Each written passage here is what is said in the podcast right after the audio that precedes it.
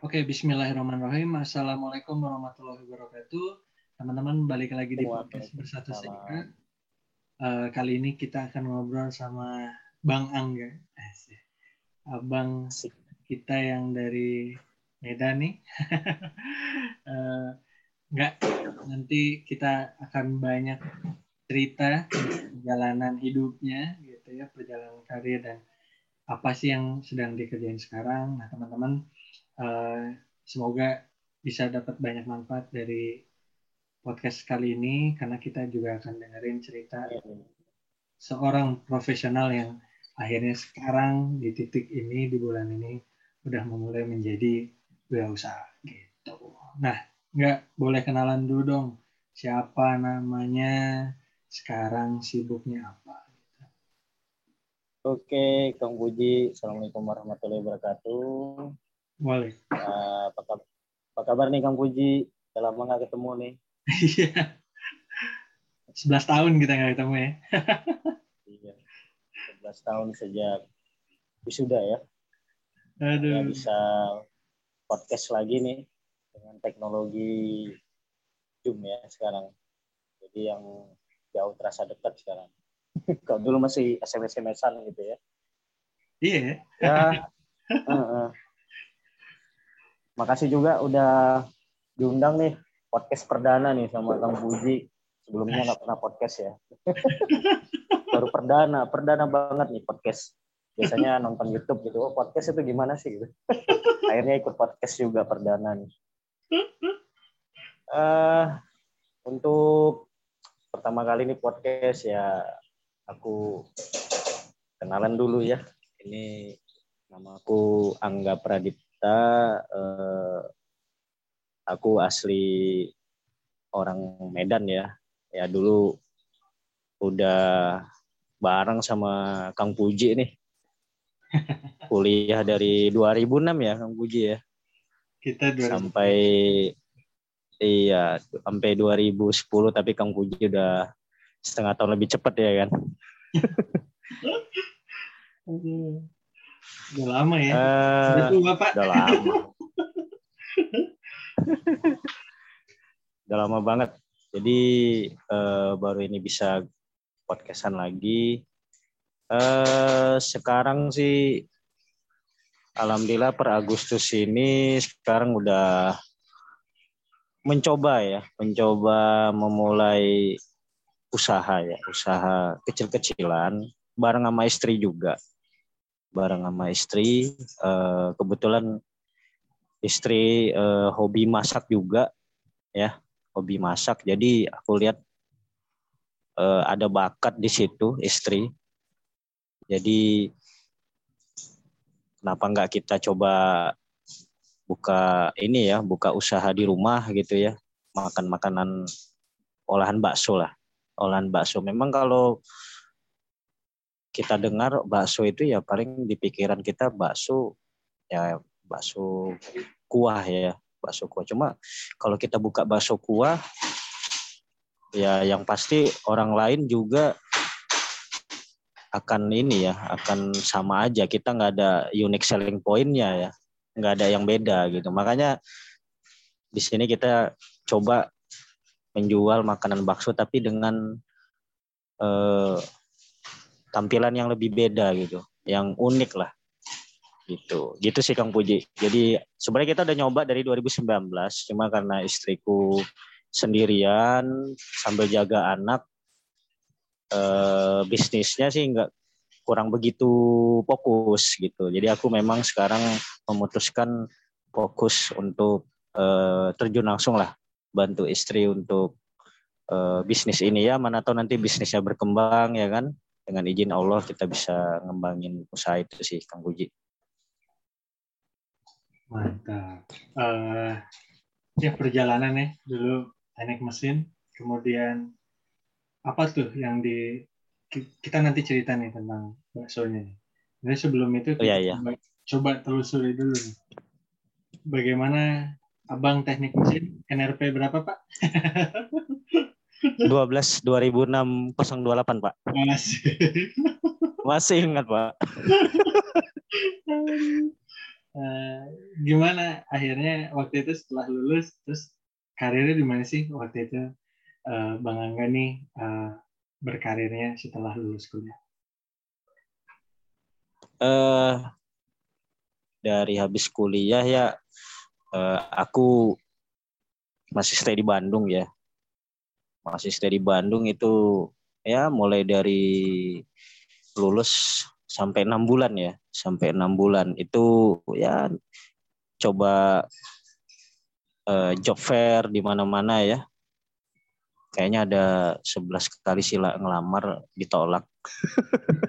Belum ada yang diterima sampai waktu itu ada job fair di Par, uh, Parayangan ya.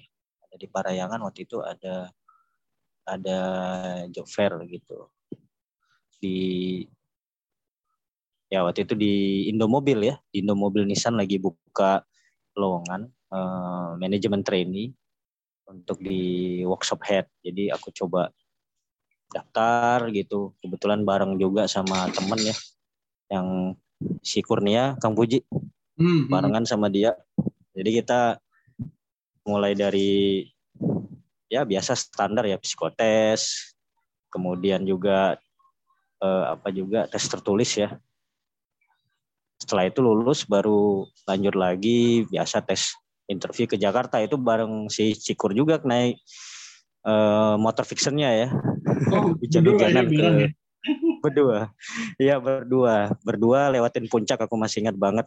Berdua sama dia kita interview ke Jakarta uh, ya dengan niat mudah-mudahan kita berdua bisa lolos gitu sampai di sana alhamdulillah sih udah udah interview di sana sama user dan alhamdulillah kita berdua lolos lah untuk uh, tes kerjanya Kang Puji untuk hmm. MT workshop. Kemudian manajemen training ini kan sebenarnya kalau program karbitan ya. Jadi waktu itu Indomobil lagi buka Indomobil Nissan ya, itu lagi buka cabang banyak uh, dan waktu itu tidak ada leader-leader ya atau pemimpin-pemimpin di baik di bengkel ya itu belum ada dari bawah dari eh, karir ya. Karena mereka rata-rata sih belum kuliah gitu yang kayak mekaniknya atau kepala mekaniknya. Jadi nggak ada nggak ada yang bisa dijadikan calon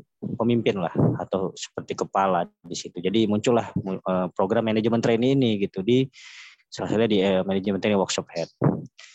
Ya aku selama itu uh, ikutin um, manajemen training itu sih kalau orang dengarnya manajemen manajemen training itu wah enak nih gitu S1 jadi bos atau jadi kepala. Tapi kalau kita jalanin kemarin ya selama enam bulan ya kita jadi ngolong juga jadi mekanik ya.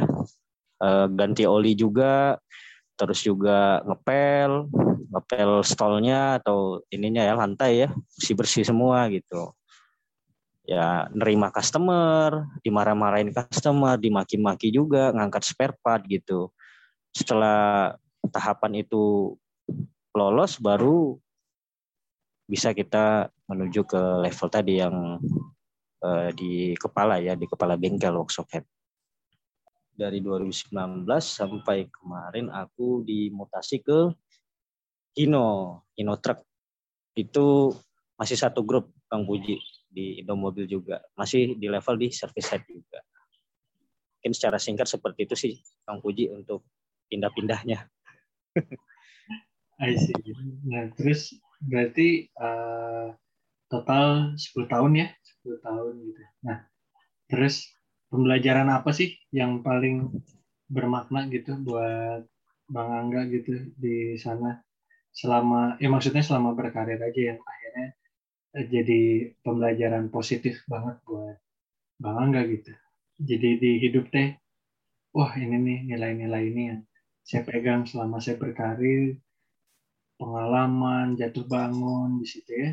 Terus akhirnya saya punya pandangan hidup seperti ini sekarang. Nah apa itu? Uh, dari pengalaman kerja ya 10 tahun ini yang pertama yang pasti ini ya eh, karena pindah-pindah itu kita jadi mengenal uh, karakter masing-masing daerah. Jadi misalnya di Jawa Timur tadi kayak di Jember itu gaya pemimpin kita itu di tim itu nggak bisa kita samain kayak gaya pemimpin kita di pada saat kita di iya. Bandar Lampung. Hmm. Nah, gitu. Kemudian di Bandar Lampung juga gaya pemimpinan kita juga itu nggak bisa kita samain kayak di Pekanbaru juga karena karakternya juga beda di sana. Begitu juga kayak di Medan. Di Medan orangnya uh, suaranya atau logat ya, logatnya lebih keras daripada yang di Jawa gitu. Jadi kita perlu menyesuaikan, jangan uh, jangan tim itu yang uh, menyesuaikan kita karena kita yang datang ya, kita yang pindah-pindah. Walaupun kita kepala, walaupun kita atasan, walaupun kita eh, nakodanya, tapi kita harus menyesuaikan juga dengan tim. Tim ini seperti apa gitu. Kalau kita press, kita terlalu eh, tekan, tim itu akan buyar, akan pecah. Tapi kalau terlalu eh, terlalu longgar ya, tidak dikontrol ya tim itu akan buyar juga. Jadi seperti layang-layang tarik ulur untuk untuk tim itu gitu. Itu yang pertama. Ya, yang kemudian yang kedua eh, jadi banyak saudara juga karena pindah-pindah itu. Kalau mau ke Jember ya ada teman di sana, ada ya dari tim itu ya. Sampai hmm. sekarang masih juga saya-saya juga di Facebook, di Instagram gitu ya. Kalau mau ke Lampung juga kebetulan eh, ya itu tadi ya jalan cerita itu tadi dengan pindah-pindah itu ternyata di Bandar Lampung ketemu jodoh di sana satu kantor jadi ya kita nggak tahu jalan hidup ya. Yang sebelumnya punya pacar waktu kuliah kirain itu yang bakal jadi pendamping hidup. Ternyata Allah atau Tuhan itu berkehendak lain gitu. Ternyata jodoh kita di Bandar Lampung. Ketemu cuma setahun eh malah jadi istri gitu kan. Jadi itu pengalaman juga gitu. Jadi yang udah pacaran tiga tahun empat tahun itu belum tentu gitu. Belum tentu jodoh kita gitu. Ternyata kita jagain jodohin or, jodoh orang gitu kan. Jodoh kita ternyata di kota yang lain gitu. Nah itu kayak saya contoh di Bandar Lampung gitu kan. Mungkin Kang Puji tahu lah kan kisah saya.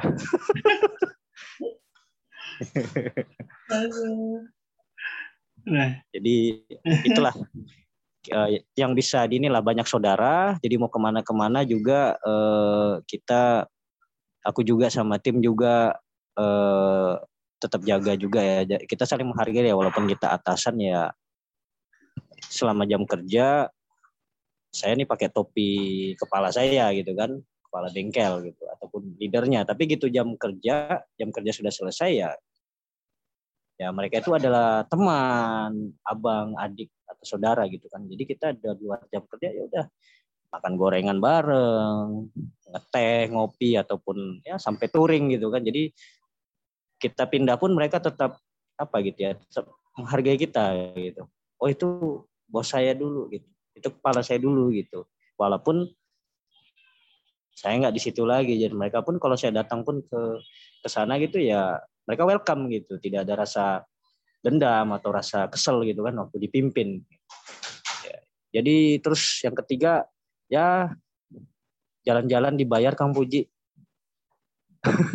Dibayar kantor kan jalan-jalan gitu kan kapan lagi bisa ke Jember, ke Bandar Lampung, ke Pekanbaru gitu kan. Hmm.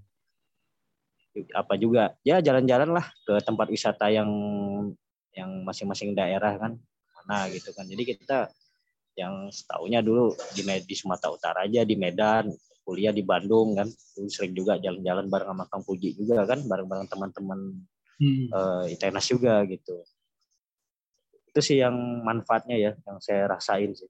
Lebih meng, lebih apa sih ya lebih ke leader leadership kita lah. Gaya leadership kita itu uh, sit apa ya uh, tergantung situasi gitu.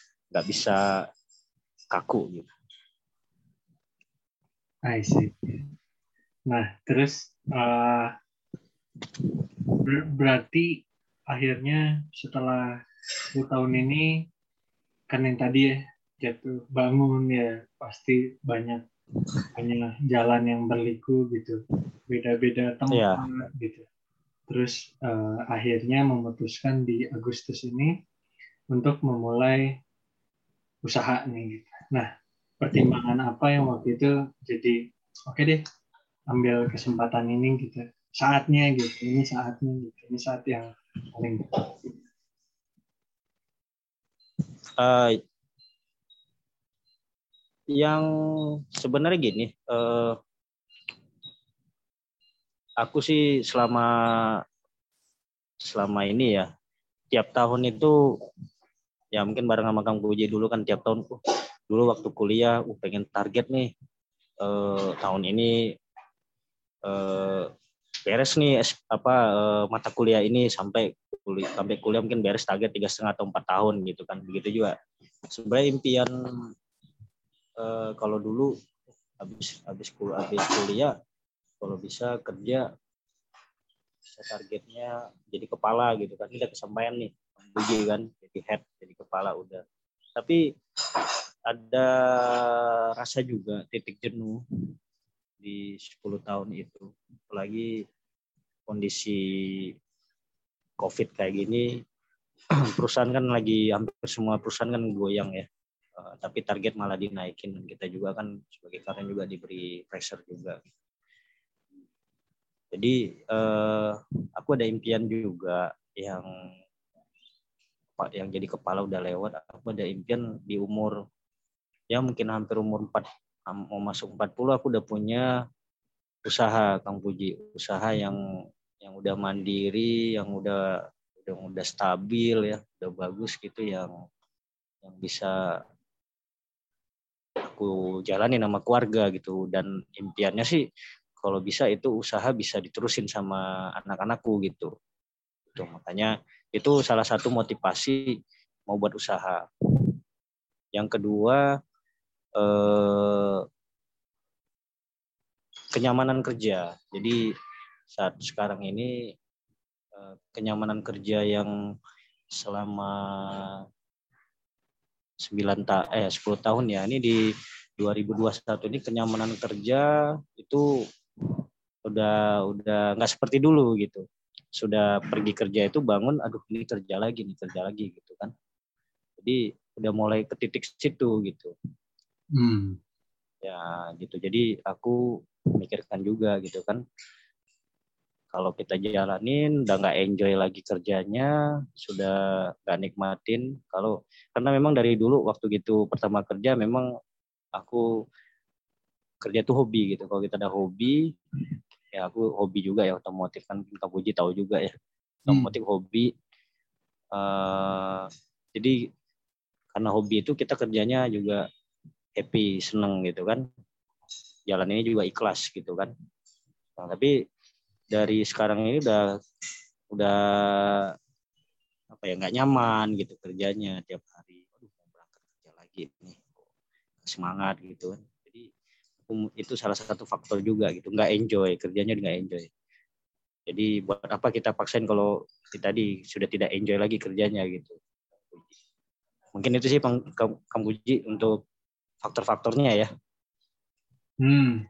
Nah terus tadi kan kalau di awal kan Bangga cerita nih uh, akhirnya memilih usaha kuliner karena uh, istri juga di sana gitu dan uh, Bang Angga melihat ada potensi di sini. Nah, akhirnya waktu, waktu itu ya sudah mulai kemudian sekarang Bang Angga ikut terjun lah gitu. Nah, saat memilih ya, benar, benar. tadi kan udah sempat cerita nih milih bakso.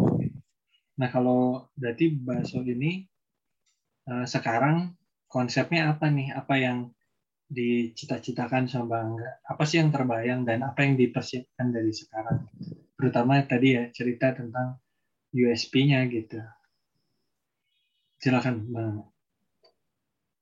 Ya, uh, untuk usaha kita kan aku namain sama istri juga namanya Rumah Bakso Apipa. Jadi uh, kenapa sih kita kasih nama Rumah Bakso Afipa? Jadi memang kita uh, usahanya itu memang di rumah ya di rumah sendiri. Kemudian uh, kebetulan kita juga berdua ini Kang Puji senang makan bakso. Dari zaman pacaran juga kalau mau malam minggu makannya bakso aja gitu kan. Emang hobi lah seneng. Itu tadi e, dari hobi awal gitu kan hobinya. Hobinya makan bakso. Kemudian dari situ e, Afifa itu e, nama dari anak anak kami ya. Ya mudah-mudahan dengan memberi nama itu bisa memberikan pintu rezeki kita untuk usaha itu. Hmm. nah jadi uh, kita milih bakso karena bakso ini kan ya makanan siapa sih yang nggak suka bakso gitu kan? Jarang lah yang yang nggak suka bakso gitu. Cuma kita uh, mikirnya bakso ini kalau kita hanya bakso kuah gitu ya kayaknya udah pada banyak gitu udah udah semua udah udah hampir tiap kota juga ada gitu kan ciri khas oh ini bakso Malang ada mungkin di Medan bakso seperti itu tapi aku lihat hampir-hampir sama gitu. Nah kita pikir nih sama istri apa sih yang yang beda gitu. beda gitu ya menunya beda yang bisa kita kita jual gitu yang tadi unique selling pointnya gitu ya. Kalau kita hanya ngikutin aja ya ikut-ikut ya bentar aja udah pasti apa ya ya tutup gitu kan. Itulah dari istri uh, sharing juga gitu biar lihat YouTube juga. Oh coba yang dari pengalaman kita makan gitu. Ya kita salah satunya mungkin kayak roti john gitu. Kan roti john itu eh, kita combine pakai bakso gitu. Ya alhamdulillah sih dari kita buka roti john bakso orang pada penasaran nih apa nih roti john bakso gitu kan. Hmm. pada nyobain uh, nyobain eh enak nih gitu kan. Pada mesen-mesen lagi gitu. Kemudian ada bakso apa eh, dari tahu gejrot ya Kang Buji ya. Hmm. tahu gejrot itu kan udah biasanya tahu ya tahu itu kan udah terkenal tahu gejrot. Nah ini kita buat nih bakso gejrot Kang Buji I see. Uh, kita coba nih. Ternyata antusias juga tuh bakso gejrot. Pengen nyoba. Wah gila nih pedesnya. Tapi di Medan juga orangnya pada senang pedas juga ya. Hmm. gitu. Pada pedas-pedas. Jadi responnya baik gitu pesan. Terus juga ada nasi goreng gila ya nasi goreng gila. Eh, Indomie ya Indomie gila ya. Itu dari Indomie kan kalau ya dulu zaman kuliah kan Indomie biasa ya. Siapa sih yang nggak bisa masak Indomie kan gampang tuh tapi apa sih selling pointnya gitu. Ya udah kita tambahin deh nama-namanya nasi goreng gila gitu. Orang jadi penasaran apa sih nasi goreng gila? Eh Indomie goreng gila apa sih? Kok dibilang gila gitu kan? Padahal yang makan apa jadi gila gitu tapi enggak maksudnya maksudnya habis makan Indomie tuh gila nih pedes banget nih Indominya gitu kan. Nah, itu.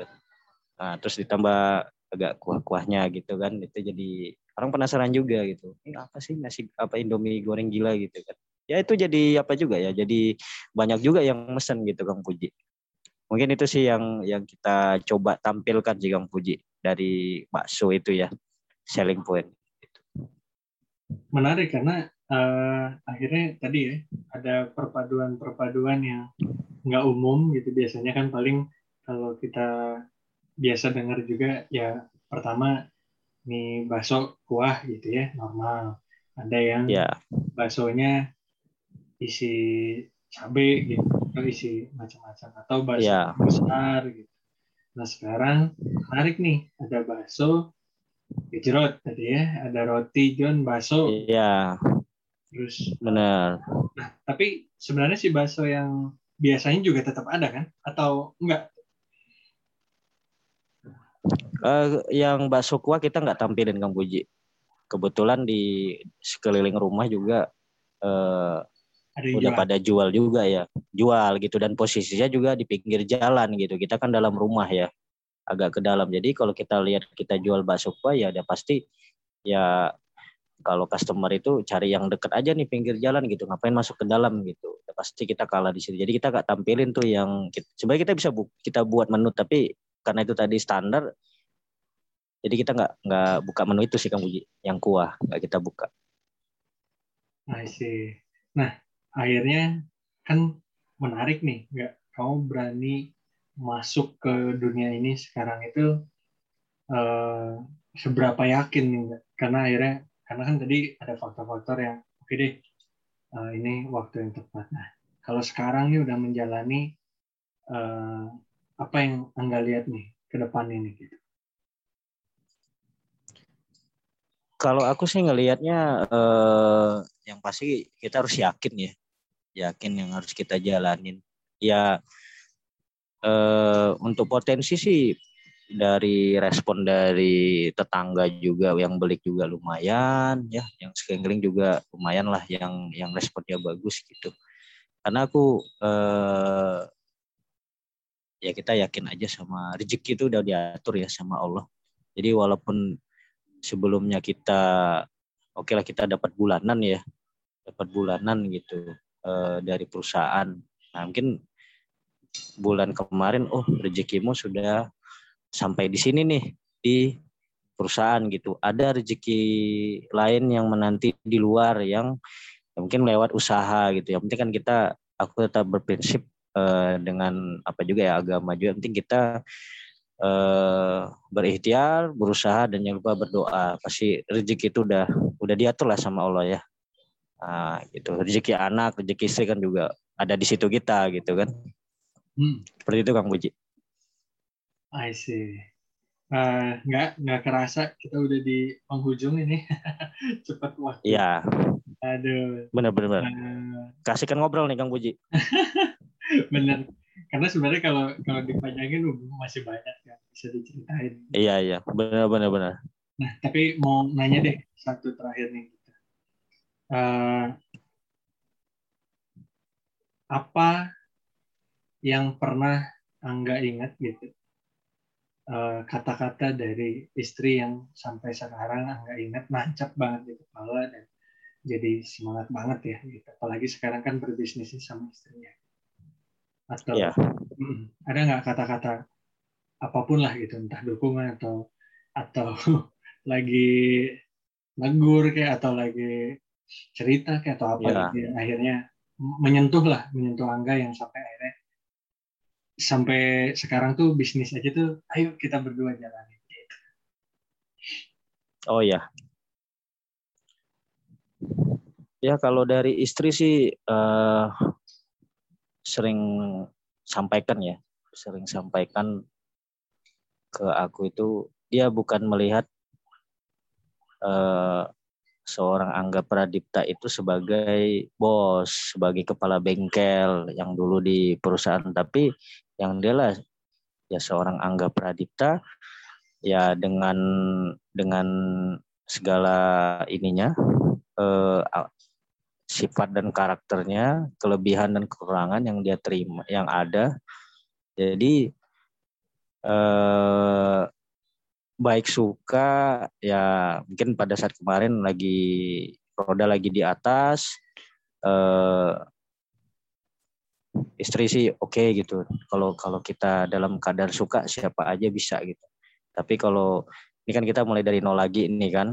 Nah, ini istri karena tidak melihat sebagai angga bukan kepala bengkel itu jadi uh, saya nggak hanya mau terima dalam suka aja gitu tapi dalam keadaan susah pun ya saya akan support kamu gitu uh, kita berjuang bersama uh, agar impian-impian kita ini ya usaha kita ini bisa berkembang, berhasil gitu kan Kang Puji. Jadi itu yang sampai saat ini sih aku selalu jadi motivasi gitu bahwa kita bisa kalau kita bersama gitu. Gitu sih Kang Puji. I see. Enggak inspiratif ya. banget uh, sukses buat bisnisnya. Uh, amin, amin. Sukses juga buat Kang Puji dan keluarga ya. Iya, perjalanan baru semoga lancar-lancar semua, sehat-sehat semua. Pokoknya Amin. Semangat, semoga berkah semuanya. Yang pasti uh, Amin. Juga buat teman-teman yang dengar podcast ini semoga bisa mengambil manfaatnya, inspirasinya bahwa uh, kalau saya boleh kutip lagi yang tadi Bang Angga bilang adalah ya rezeki sudah diatur ya sama Allah tinggal kita bagaimana memaksimalkan untuk menjemputnya lah kurang lebih seperti itu. Benar benar. Ya, thank you banget. Uh, semoga yeah. Bapak tadi sehat-sehat, lancar-lancar semuanya karir-karirnya. Amin. Ya. Aduh, pengen nyoba tapi jauh banget ya. Bahasa gitu. Nanti di follow aja itunya Instagramnya Kang Puji nah, di Baso Afifa ya. Nah, Baso Afifa. Nah itu teman-teman. Rumah Baso Afifa. Nah. Baso Afifa. Oke, enggak, thank you banget. Oke. Semoga. Yuk, sama-sama Kang Puji. Ya, Assalamualaikum warahmatullahi wabarakatuh. Waalaikumsalam warahmatullahi wabarakatuh.